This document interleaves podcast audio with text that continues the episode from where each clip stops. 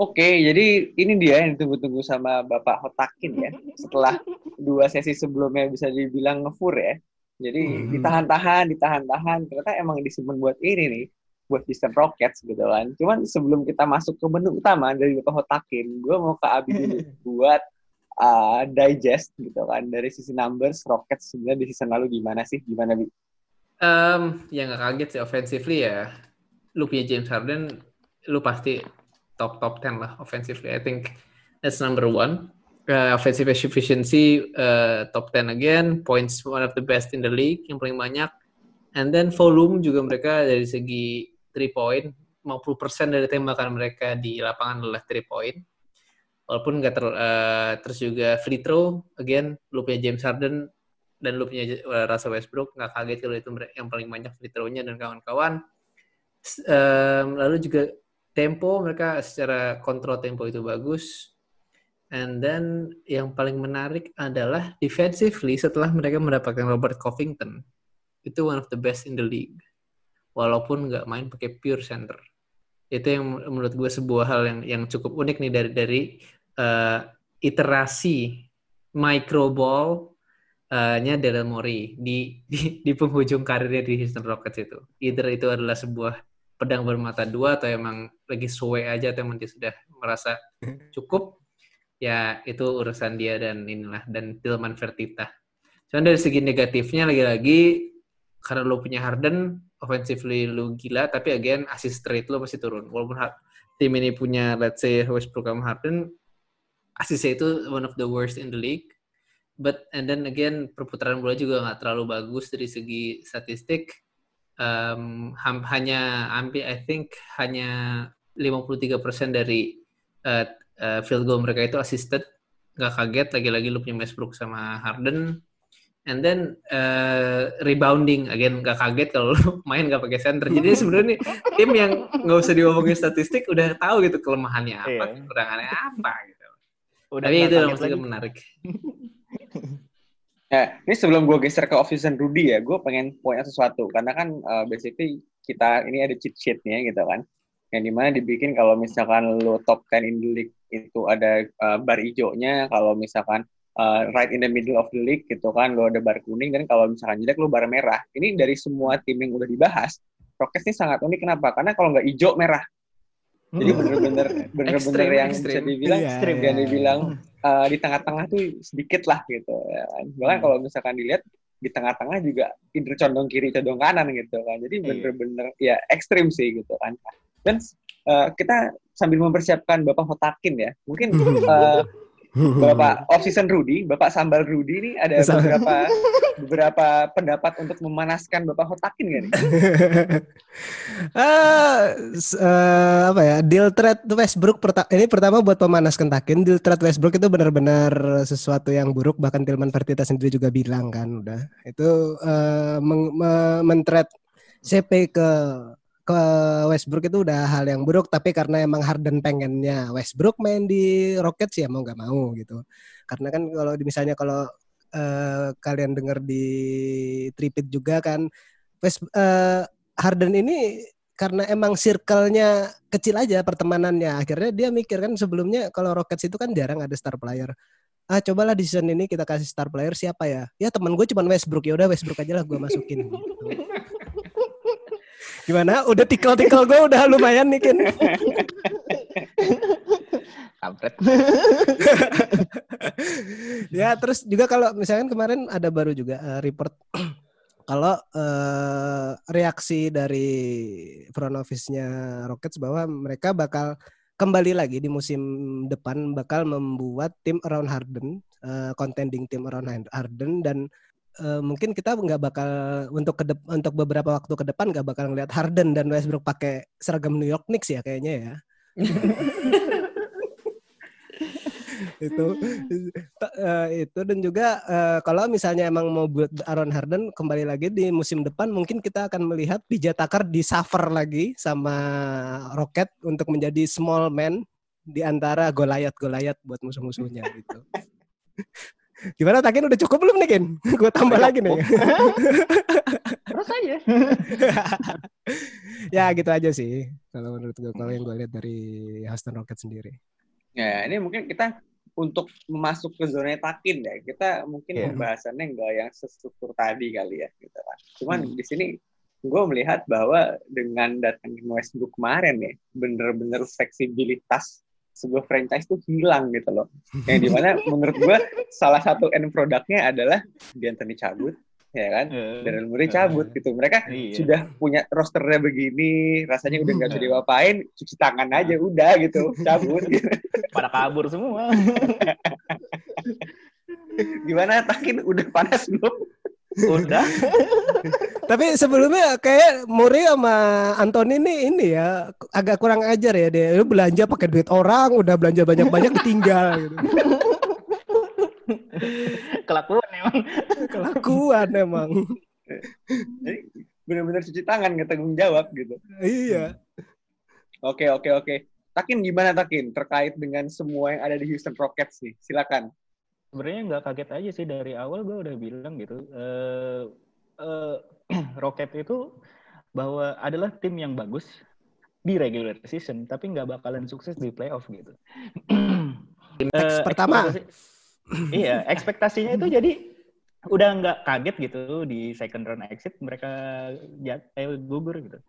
Bahkan gue berharap ya, oh kayaknya di first round aja nih gugurnya. Eh, dan ya itu eh seperti yang sebelumnya dibilang oleh Abi juga no motion offense-nya itu ya buruk gitu. Eh lu butuh pergerakan bola untuk untuk menang gitu. Kalaunya berharap satu sampai du- sama dua orang aja nggak bakal bisa gitu dengan ISO dan ISO dan ISO gitu. dan selanjutnya ya itu tadi sebenarnya small ball itu ya nggak bakal berguna gitu untuk di playoff gitu. Kalau mau di regular season pakai small ball, di di playoff lu pakai dua sistem aja sekalian.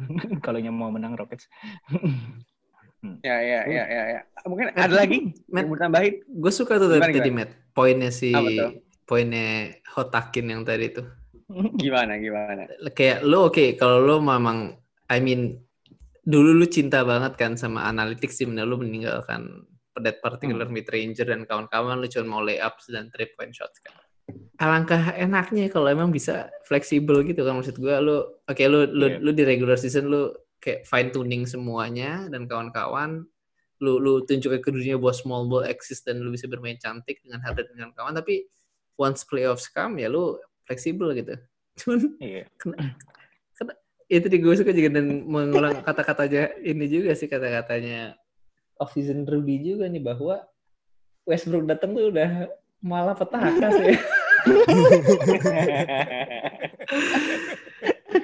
And pas pas sudah Westbrook datang tuh, ah besar dan exit lah. parah parah parah. Udah gitu ketemunya sempat sama Thunder pula kan kayak wah Iya. ini Wah, Hollywood material banget nih kalau jadi film Thunder Iya. menang. gue berharap banget Thunder menang. Ya, ya. Cuman setelah setelah mendengar apa yang kalian semua bilang ya, entah kenapa gue jadi merasa kenapa jadi hanya gue yang seperti pro dengan small ball ya. Karena tadi kan sempat dimention kalau misalnya itu double edged sword. Gue setuju gitu. Kenapa? Karena akhirnya lu bisa dibilang terlepas karena lu sangat berpatokan dengan analytics lo, maksudnya saklek banget dengan itu gitu. Akhirnya gaya main lu tebak satu, ya kan? Yang di mana Hmm. eh, terlepas ini gue belum masuk ke Westbrook ya. Maksudnya dengan gaya main lo yang seperti itu aja, eh gue seba- misalkan gue bermain lawan Rockets, gue sebagai defending team, gue udah tahu apa yang harus gue lakukan gitu. Karena dari semua pergerakan bola yang ada, karena kan Rockets juga pergerakan bolanya tuh some level kadang-kadang bagus ya gitu kan. Nah. Itu pasti end up-nya either di bawah rim atau di eh, garis three point kan. Jadi kayak Iya. di sekitar-sekitar paint, di mid range tuh dibiarin aja kayak selama 48 menit tuh kayaknya aman gitu loh. Jadi kan benar-benar Ah. ketebak kan. Dan ditambah lagi, ketika Russell Westbrook masuk, itu makin makin predictable gitu loh. Iya. Nah, ada tapinya nih gitu kan. Ah, Kenapa eh, yang gue sangat sayangkan adalah gini, yang namanya eksperimen small ball ini kan bisa dibilang sangat ekstrim ya. Karena Iya. masa di mana center tuh mulai kembali lagi kan sebenarnya di NBA kan. Meskipun dengan gaya main yang jauh berbeda dari let's say 10 tahun yang lalu gitu. Tapi kalau misalnya kita lihat Robert Covington sama PJ Tucker gimana gitu kan, mereka sebenarnya menjalankan role mereka dengan sangat luar biasa loh gitu kan. Karena kayak siapa yang nyangka seorang PJ Tucker itu ya pada beberapa momen ya itu bisa menahan seorang Anthony Davis gitu. Yang di mana that within itself sebenarnya uh, Daryl Morey, McDaniel and the whole uh, Rockets coaching staff gitu kan harusnya dapat praise terkait dengan itu gitu. Cuman satu sebenarnya yang gue uh, pengen point out gitu. Ada di spektrum yang berlawanan sama apa yang Takin bilang. Kalau Takin bilang kan mereka butuh uh, bisa dibilang to take into the mix gitu ya. Ah. Lo punya big man biasa yang bisa lo plug and play uh, untuk menambah variasi serangan lah gitu, ya kan. Yeah. Yang di mana poinnya sangat menarik sih gitu kan. Cuman ini gue mencoba menaruh uh, apa nih ya pikiran gue dalam kacamata dari Mori kemarin gitu kan di mana kan hmm. dia orangnya sakok ya maksudnya small ball small ball aja udah gitu lah permasalahannya kemarin mereka tidak punya orang ketiga untuk mengcover uh, Covington sama Tucker gitu jadi yeah. begitu mereka berdua keluar bisa dibilang ya udah nggak jelas gitu maksudnya small bola udah udah nggak ini lagi udah nggak apa yeah. namanya udah nggak sakot lagi small bola gitu malahan yang main kan jadinya uh, ini uh, center yang tradisional gitu Iya, benar. Yang ketika masuk ke di second unitnya, yang masuk adalah uh, center tradisional kayak Tyson Chandler. Kayak Luke Mbamute yang mencoba untuk tapi tidak bisa. Iya. iya. Soalnya tipikal pemain kayak Robert Covington dan PJ Tucker pun itu sangat langka gitu. Kalau ya, ya, ya. Uh, pemain wing yang bisa di uh, cover uh, lima lima lima lima numbers gitu sangat langka dan sangat mahal from, itu. From five. Iya, sangat langka dan sangat mahal. Sepatunya mahal. itu, itu Westbrook, itu Westbrook, sepatunya doang mahal. Agi, jangan pancing-pancing Agi, tolong. Sebenarnya kalau menurut gue, gue bakalan lebih seneng kalau nyari Nate back lagi sih. Nggak Russell tambah Russell Westbrook tapi Chris Paul aja balikin balikin. uh, balikin eh balikin Chris Paul. Pak ini Udah saya mau. Garansinya masih jadi dua tahun lagi katanya Pak saya balikin nih Pak. Bisa diretur nggak sih? Bisa diretur nggak? Kalau nggak salah kita salah beli. Salah beli. Bisa diretur. Kan Thunder juga lagi nyari partner buat uh, nge-trade Chris Paul. Ya udah deh. Putar balik aja lagi tapi pas uh, Thunder nyari partner buat Chris Paul nanti di bawahnya ada ininya kin PS ya no Westbrook gitu.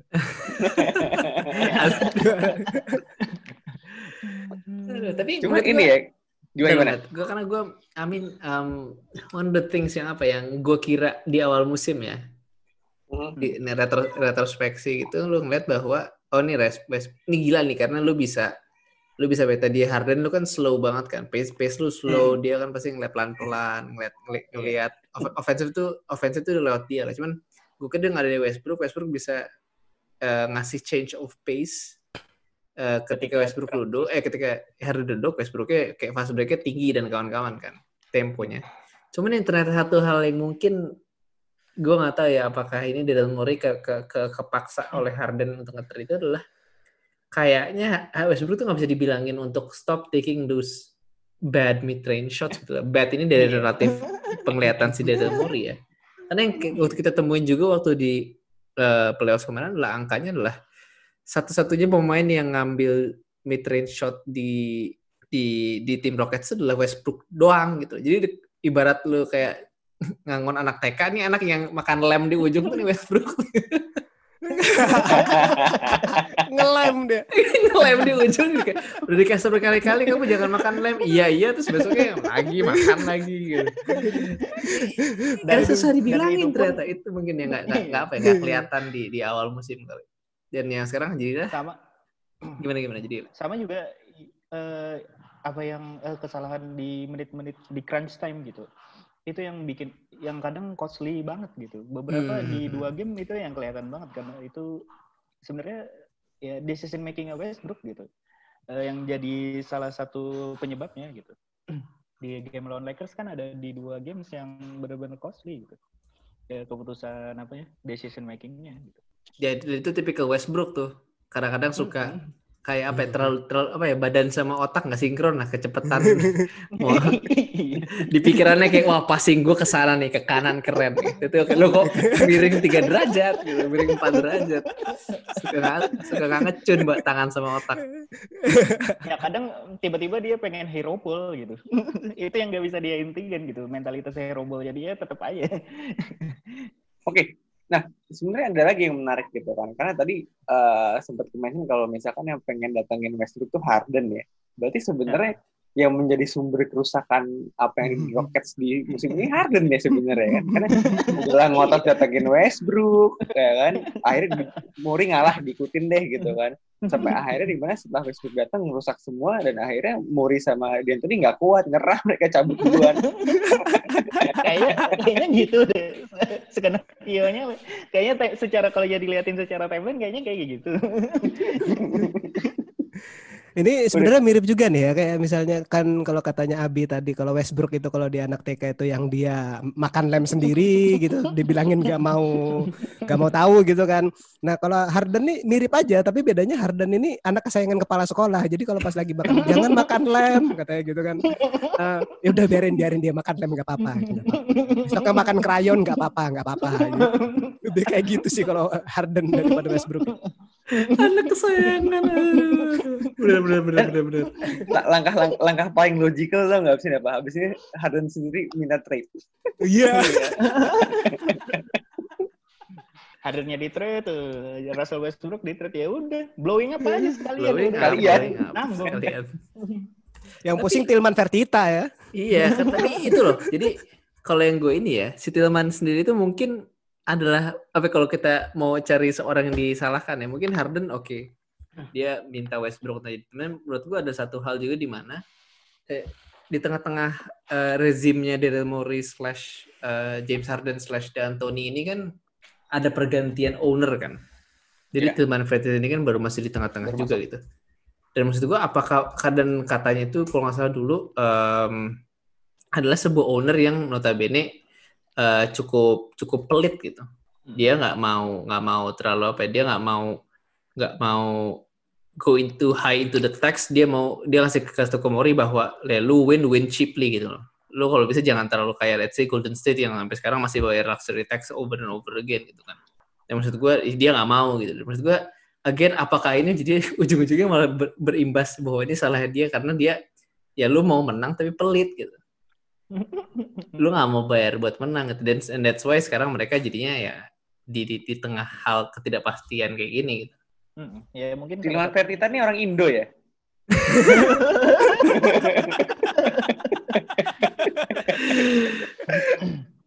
mau menang banyak nggak mau rugi aja.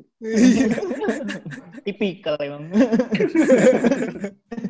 Salah satunya ya kayak gitu juga sih bisa jadi bisa jadi. Tapi buktinya ini kan kena luxury tax juga nih. Tahun ini kan, iya makanya itu dia. Iya, over the cap gitu. Nanggung. Oh kak, mereka eh wait, oh mereka ya udah udah kena, udah kena juga ya benar. Udah, udah kena. Hmm.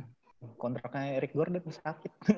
iya tuh makanya, mungkin harus diomongin tuh, siapa yang keluar pun keluar ke mana itu. iya. Serba salah sih gitu, karena kalau misalnya akhirnya kita menyerempet sedikit terkait rosternya ya gitu kan, karena hmm. dengan lu bayangin ada satu franchise yang di mana rosternya yang di mana lu kan punya 15 man roster harusnya ya hmm. dua orang aja itu udah ambil 80 juta sendiri gitu loh udah udah udah sak udah sakit ke mana-mana gitu loh yang di mana yeah. hmm. sisanya adalah lo punya Rick Gordon, Robert Covington, PJ Tucker, Daniel House, Austin Rivers, Ben McLemore sama eh, David Muaba sama uh, Chris Clemens gitu kan maksudnya yeah. lo udah nyangkut ke mana-mana gitu loh maksudnya tambah lagi juga dengan kondisi yang ada sekarang bisa dibilang uh, even dalam level let's say MLI or even minimum salary gitu kan siapa yang mau berangkat ke sana gitu. Melihat ada hmm. Russell Westbrook. Waduh ke situ ngarahinnya iya. cuma ini karena karena tema besarnya adalah Russell Westbrook dan Harden ya gitu kan. Gue sebagai orang yang tidak begitu suka dengan Russell Westbrook ya akhirnya kan hmm. akan mengcompare dengan orang yang ditukar uh, sama dia ya sama Chris Paul ya. Maksudnya kan harapannya adalah datengin Chris Paul, eh datangin Westbrook itu untuk mendapatkan hasil yang jauh lebih baik daripada Chris Paul, upgrade kan gitu kan, yang di mana yeah, kalau upgrade. kita ingat kan uh, Rockets basically speaking one game away from going to the NBA Finals Nah, tapi tiba-tiba ketika diganti sama Russell Westbrook, mereka cuma sampai second round doang gitu loh. Berarti kan bener-bener apa yang Harden mau tuh gagal gitu loh. Yang di mana kayak Iya. bener-bener kalau tadi gue taking a dig at Westbrook, sekarang ke Harden gitu loh. Maksudnya Hmm. sampai hari ini gue akhirnya melihat bahwa kayak gue tidak akan bisa memenangkan sebuah kejuaraan kalau misalkan pemain nomor satu lo adalah James Harden. Dan kalau misalkan ditarik ke belakang lagi, ada alasan kenapa Sam Presti tidak mau mengasih kontrak besar untuk Harden di tahun 2012. Ya. Jadi take. Sam Presti Sam Presti tahu lah udah ya. Oh, masa Yoi. depan Harden ini model-model begini nih. Iya. Iya, dia dia nyimpen ini kalau misalnya di perkantoran tuh dia HR-nya nyimpen Pak nih orang ada masalah dikit Pak mentalnya Pak. Presti udah baca tuh hasil wawancaranya kayak kamu kalau nganggur sukanya ke mana? Saya sukanya ke strip club. Oke, gitu coba udah. Udah ini. Nggak bagus nih. Gue rasa tuh sebenarnya kan gue yakin tuh di antara GM owner gitu-gitu pasti ada semacam circle komunitasnya kan. Nah, ini gue yakin nih Sam Presti begitu Muri mau cabut, eh begitu cabut dia bilang kan, kan apa gue bilang.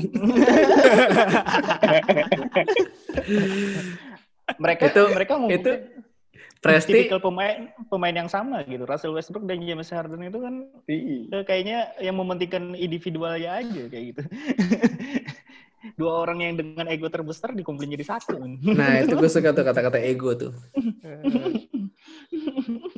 Cuman ngomong-ngomong ego ya, maksudnya terlepas dari eh, semua apa ya, shit talk yang udah gue omongin terkait mereka berdua, gue harus eh, respect juga buat mereka gitu loh, karena to some level mereka bisa mengesampingkan ego mereka buat akhirnya main bareng, meskipun ada meskipun ya sih di akhir-akhir ya Westbrook jadi Westbrook, Harden jadi Harden. Intinya gantian aja pegang bola, siapa yang pegang bola ya udah monggo. Iya. Kayaknya lebih kayak gitu ya dia. Mereka take turn kayak gitu. Cuman ya, maksudnya kita main berandai-andai nih. Rasanya kan jadi Tillman Vertelas itu pasti nggak pengen punya dua-duanya ya. Dengan asumsi kan dia pelit gitu. Nah, di mana pasti untuk melengkapi rosternya aja dia nggak mau keluar uang lebih lah gitu kan. Hmm. Misalkan nih, ya kan? Misalkan gitu. Kalau misalkan harus ada yang di trade, yang mana duluan yang lu trade? Lu siapa kin? Kalau gue Russell Westbrook sih. Di return aja, di return bisa nggak? di return aja. Balikin Chris Paul. Tuker sama Westbrook lagi. Kayaknya Russell Westbrook sih paling pertama dulu yang gue ini kan. Karena uh, James Harden ya lebih ke bukan ke logis aja sih. Lebih ke sentimental sih kalau gue mempertahankan James. Apalah artinya Rocket eh, tanpa James Harden gitu. Iya. Nanti makin ini lagi, makin tekor lagi Vertita nanti. Wah ini jersey Harden makin turun kalau dia nggak di Rocket gitu. Enggak, Merchandise Rocket Dengan seperti stylenya mainnya James Harden sih Nah, enggak. Secara ini pun secara style mainnya itu masih mending lah kalau James Hmm. Harden gitu. Karena Russell Westbrook kan beberapa permainannya yang costly dengan decision makingnya kayak gitu kayaknya bakal susah gitu. Ini gua rasa sekarang Tillman Ferreira tuh kerjanya adalah tiap hari ngecek-ngecekin Jeff Dolan, Dolan lu mau apa, apa yang lagi nggak ada di rumah lu, apa yang kurang. Buat mana Gimana? gimana kalau nukar Westbrook sama kulkas mau nggak? Westbrook nggak apa-apa deh Bobby Portis sama ini kan kelebihan PM mereka Iya, iya, setuju tuh gue tuh. Iya. Sama Bobby Portis sama si ini si siapa aduh lupa lagi pemain Lakers Julius Randle. Ayo sama Julius Randle mau nggak? Hmm. Kayaknya mungkin yang bisa movable juga sih kayaknya Russell Westbrook. Tapi rada susah sih ngelihat ini kontraknya 38 men. Tim mana yang bisa? Iya. Yang bisa ini, yang punya salary sejenis, oke si Thunder. Oh iya. Nami Mawon. Nami Mawon. Kayak tahu. Mak- makanya di di ini kan dituker aja udah. Mungkin kita geser gitu kan. Maksudnya eh, ini berandai-andai nih gitu kan. Maksudnya kita udah tahu sebenarnya secara general consensus udah pasti yang pengen lo tuker duluan Westbrook ya. Karena bisa dibilang yang merubah dinamika yang ada kan sebenarnya dia ya gitu kan. Iya. But let's just say ini gitu kan, uh, let's just uh, entertain the idea of uh, Fertitta tiba-tiba mau menukar Harden nih gitu kan.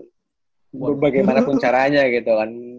Gue pengen ke Abi nih. Menurut lo itu sesuatu hal yang bisa dilakuin nggak? Uh, yang mau pasti banyak met kalau lo mau nuker Harden kan. Cuman again gue nggak tahu nih si uh, penggantinya Daryl Morey itu sendiri. Uh, gue lupa namanya. Um, uh, tapi dia gimana cara dia nge apa ya ngelego James Harden yang lo tahu bahwa kalau lo masukin dia ke tim lo ya udah gitu. Lo harus punya coach yang bisa coach yang bisa namanya coach yang bisa handle itu kan handle the way he plays gitu. Itu nggak nggak gampang gitu. Dan itu maksud gue adalah gimana berarti tim yang harus uh, uh, apa ya quote unquote ngambil Harden tim yang emang udah punya play style dan ini yang yang yang mirip dengan yang mirip dengan apa yang mirip dengan game okay. Harden gitu fully ISO itu pick and roll dan kawan pick and roll dan, dan itu maksud gue kayak gue akan mendeflect pertanyaan lo Matt gue nggak mau ngomong bahwa Harden di trade ke mana, tapi gue merasa bahwa next season dengan datangnya Stephen Silas itu dia notabene one of the apa ya salah satu dari uh, otak di belakang offense Dallas Mavericks tahun lalu dan itu pick and roll heavy kan. Gue justru ngeliat bahwa I wouldn't move any of those two sampai at least uh, trade deadline mid season.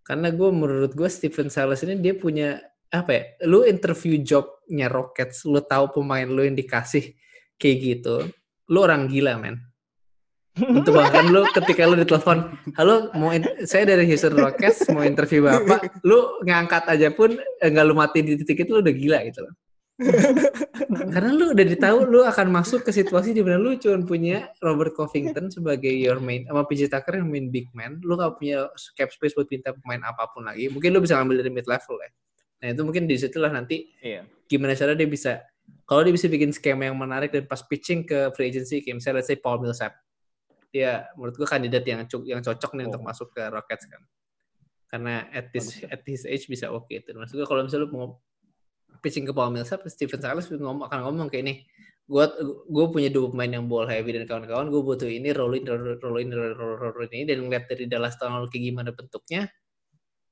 gue bisa ngelihat aja kayak Harden and Westbrook playing the same role as Luke, what what Luka is doing gitu. Dan mungkin dengan sekarang Steve, uh, kalau Stephen Silas punya cuma punya satu luka, sekarang dia punya dua uh, apa ya, punya dua playmaker yang quote unquote very very good off the pick and roll gitu kan. I mean Westbrook se, se, sejuga nggak suka suka suka gue, gue harus akuin hmm. waktu dulu dia di Thunder pick and rollnya caem sih kan. Hmm. We have to give him that lah. Hmm. Kadang-kadang kalau kalau nggak lagi kalau nggak lagi habis makan lem ya oke okay banget. kalau biasanya ada partnernya juga sih, soalnya heavy screener juga kan. Nah itu dia maksud gue itu yang gimana yeah. caranya sekarang Steven Salas harus bisa datengin salah satu dari pemain veteran yang bisa quote unquote set screen situ kan. Dia mungkin ya, hmm. let's, dan mungkin yang tadi ditakin bilang juga gitu. Idealnya adalah kalau lo bisa construct atau misalnya let's say lu sekarang pull off a trade lah let's say atau lu dari free agency lu ngambil pemain center yang quote unquote bisa uh, jadi partner screen and uh, pick and roll pick and roll itu ya berarti lu jadi ideal kan karena lu at, lu bisa fleksibel lu mau small ball sesuka hati lu mau destroy the opponent hmm. with the three point shots tapi ketika lu butuh untuk shift ke itu ya di situlah lu gimana caranya bisa ma, apa namanya bisa menjadi fleksibel gitu yang kayak tadi si Taken bilang untuk ya playoff it's time to be flexible dan melihat tuh lu butuhnya apa di game itu dan ya tadi yeah. sempat kesinggung juga Eric Gordon ya itulah kontraknya harus di harus di Lego lah itu hmm. Mungkin ya, kandidat prima justru gua kalau gua hmm, menarik menarik jadi kan kita sempat senggol nama Eric Gordon gitu ya dan sebut uh, tadi sempat mention kalau misalkan bakal heavy di pick and roll gitu yang di mana it's all the natural nggak sih yang di mana dengan uh, perkembangan taktik di NBA sekarang basically uh, go to guy moves dari mayoritas tim adalah pick and roll gitu pick kan sebenarnya. Hmm. Karena tapi kalau misalkan lo emang mau main pick and roll, meaning lo butuh big man. Berarti di mana small ball ekstrim uh, ala Daryl Morey bisa dibilang terkikis gitu kan yang di mana karena ada sedikit unsur fleksibilitas gitu kan. Cuman menarik sih. Karena hmm. kalau misalnya udah mention seperti itu gitu kan, role Eric Gordon jadi seperti apa ya? tidak begitu penting gitu karena akhirnya ketika lo udah main pick and roll opsinya lebih banyak gitu Hmm. Ya, ya, ya, ya, lu punya shooter yang cukup lah kalau maksud gue ada oke lu punya Daniel Daniel House, lu punya Ben Lekmore kalau sekedar shooting shooting doang ya Iya. ya Eric Gordon 16 juta it's too much lah maksud gue.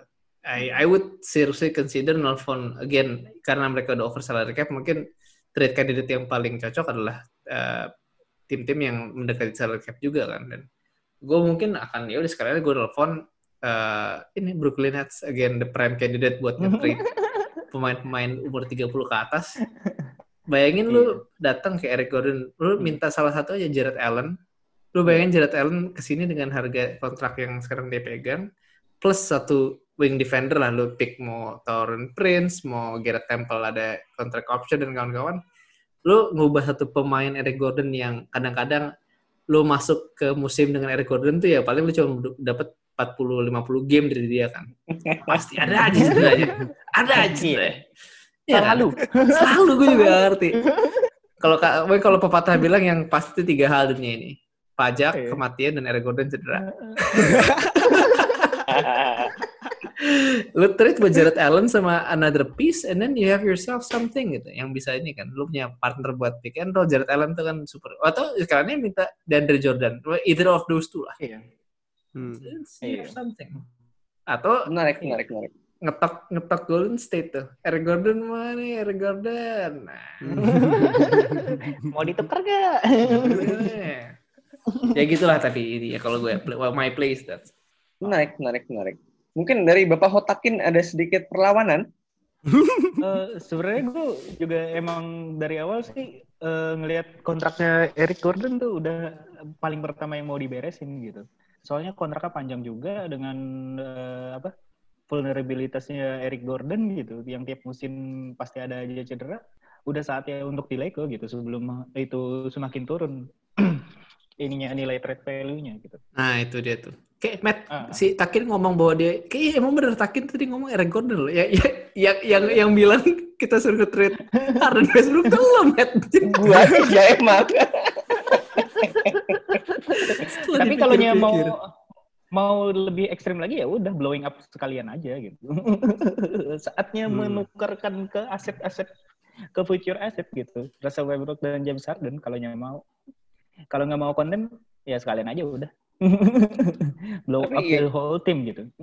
Kayak yang jadi menarik adalah kalian kondisinya jadi nanggung lagi ya gitu kan lu punya Westbrook dan Harden gitu kan dan Hmm. let's just say lu mau uh, blow things up gitu kan kontrak mereka sangat tidak movable gitu kan yang di mana kalau Iya. misalkan let's just say cari yang like for like ya gitu kan yang benar-benar uh, dengan kontrak yang sama basically benar-benar player for player gitu kan kan opsinya tinggal cuma Chris Paul sama John Ah. Wall kan gitu kan karena Iya. basically kayak the likes of Steph Curry itu kan udah off the book ya karena nggak mungkin Off the gitu. book. jadi benar-benar limited banget dan juga rasanya Iya. uh, franchise-franchise lain juga pasti akan sangat berhati-hati gitu loh kalau misalkan ah ngapain gua ambil kontrak gede lagi gitu.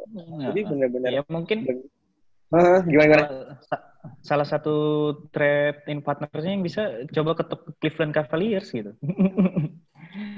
bisa ngambil kontraknya Andre Drummond dan Kevin Love. Gitu. Iya antara dua itu tuh menarik tuh. Gue suka Ah. juga tuh. Heeh. Heeh. And- Andre. Drummond bakal menarik sih sebenarnya kalau Iya. dipikir-pikir ya. Iya. Dia bisa main pick and roll ya nggak pick and pop ya karena Drummond cannot shoot Ah. gitu kan. Tapi seperti yang kita tahu kan Drummond is more than a willing passer ya. Makanya Iya. salah satu aspek permainan dia yang uh, baru kita lihat sekarang baru-baru ini gitu kan kan nggak banyak Hmm. yang apresiasi gitu loh. Iya. Menarik, menarik, menarik. Heeh. Sebenarnya bisa gitu. Movable atau Kevin Love gitu. Mau Kevin nyari Love? yang stretch. Kevin Love sound sexy sih. Gue setuju juga. Iya. Kevin Love, eh, Lego Russell Westbrook, eh, tinggal nyari Kevin Love gitu. Tapi full banget juga sih. Kev nyari wings banyak banget mereka posisi backcourt tuh. Cuma, kan, ngomongin Cavs ya, misalkan let's just say Iya. jadi itu kan uh, Westbrook for, for love lah dan plus plus Ah. gitu kan, karena Ah. harus harus match up kontraknya kan. Lu bayangin Iya. itu di di eh, di Cavs itu kan ada Russell Westbrook sama Colin Sexton. itu main bolanya harus itu kalau main bolanya harus dua itu Matt. Satu-satu. Harus sabar-sabar itu yang lain. Dribble. Aiso, aiso, aiso. Atau jangan-jangan berebut ya? Jaga-jagaan. Jangan-jangan berebut. Aduh, bahaya. Ya kayak gitu sih. Opsinya bisa kayak gitu juga sebenarnya. Jadi rasanya buat ngomongin Rockets kita tahan dulu ya gitu kan. Karena rasanya nggak ada abis-abisnya ngata-ngatain Russell Westbrook dengan segala macam keunikannya gitu kan. Cuman sebenarnya ada beberapa poin yang menarik ya karena ternyata setelah dipikir-pikir hmm, ada shooters buat Russell Westbrook meskipun ada banyak uh, ada banyak tanda bintangnya ya maksudnya syarat yang mesti dipenuhin untuk mendapatkan trade piece itu gitu kan. Cuman akhirnya dengan adanya Stephen Silas ya masuk gantiin McDaniel ini bisa bilang ini era barulah gitu kan. Yeah. Cuman ternyata yang tadinya kita pikir itu kelam, ternyata tidak sekelam itu gitu loh. Karena ternyata Russell Westbrook masih bisa dipindahkan. masih move yeah, yeah. ya ya ya. Oke, jadi paling buat uh, Rockets sampai sini dulu. Ya kan, gue mau ngucapin terima kasih buat Akin dan off season Rudy dari Tripit udah mau mampir, udah mau turun gunung ya kan podcast RTL Basket gitu kan iya, jadi yeah, yeah. thank you buat Takin Officer Rudy gitu kan iya. ditunggu yeah. kedatangan-kedatangan berikutnya lagi semoga kita okay. bisa take bareng-bareng lagi gitu kan jadi yeah. ya iya. paling buat hari ini gitu dulu thank you semua oke okay. bye bye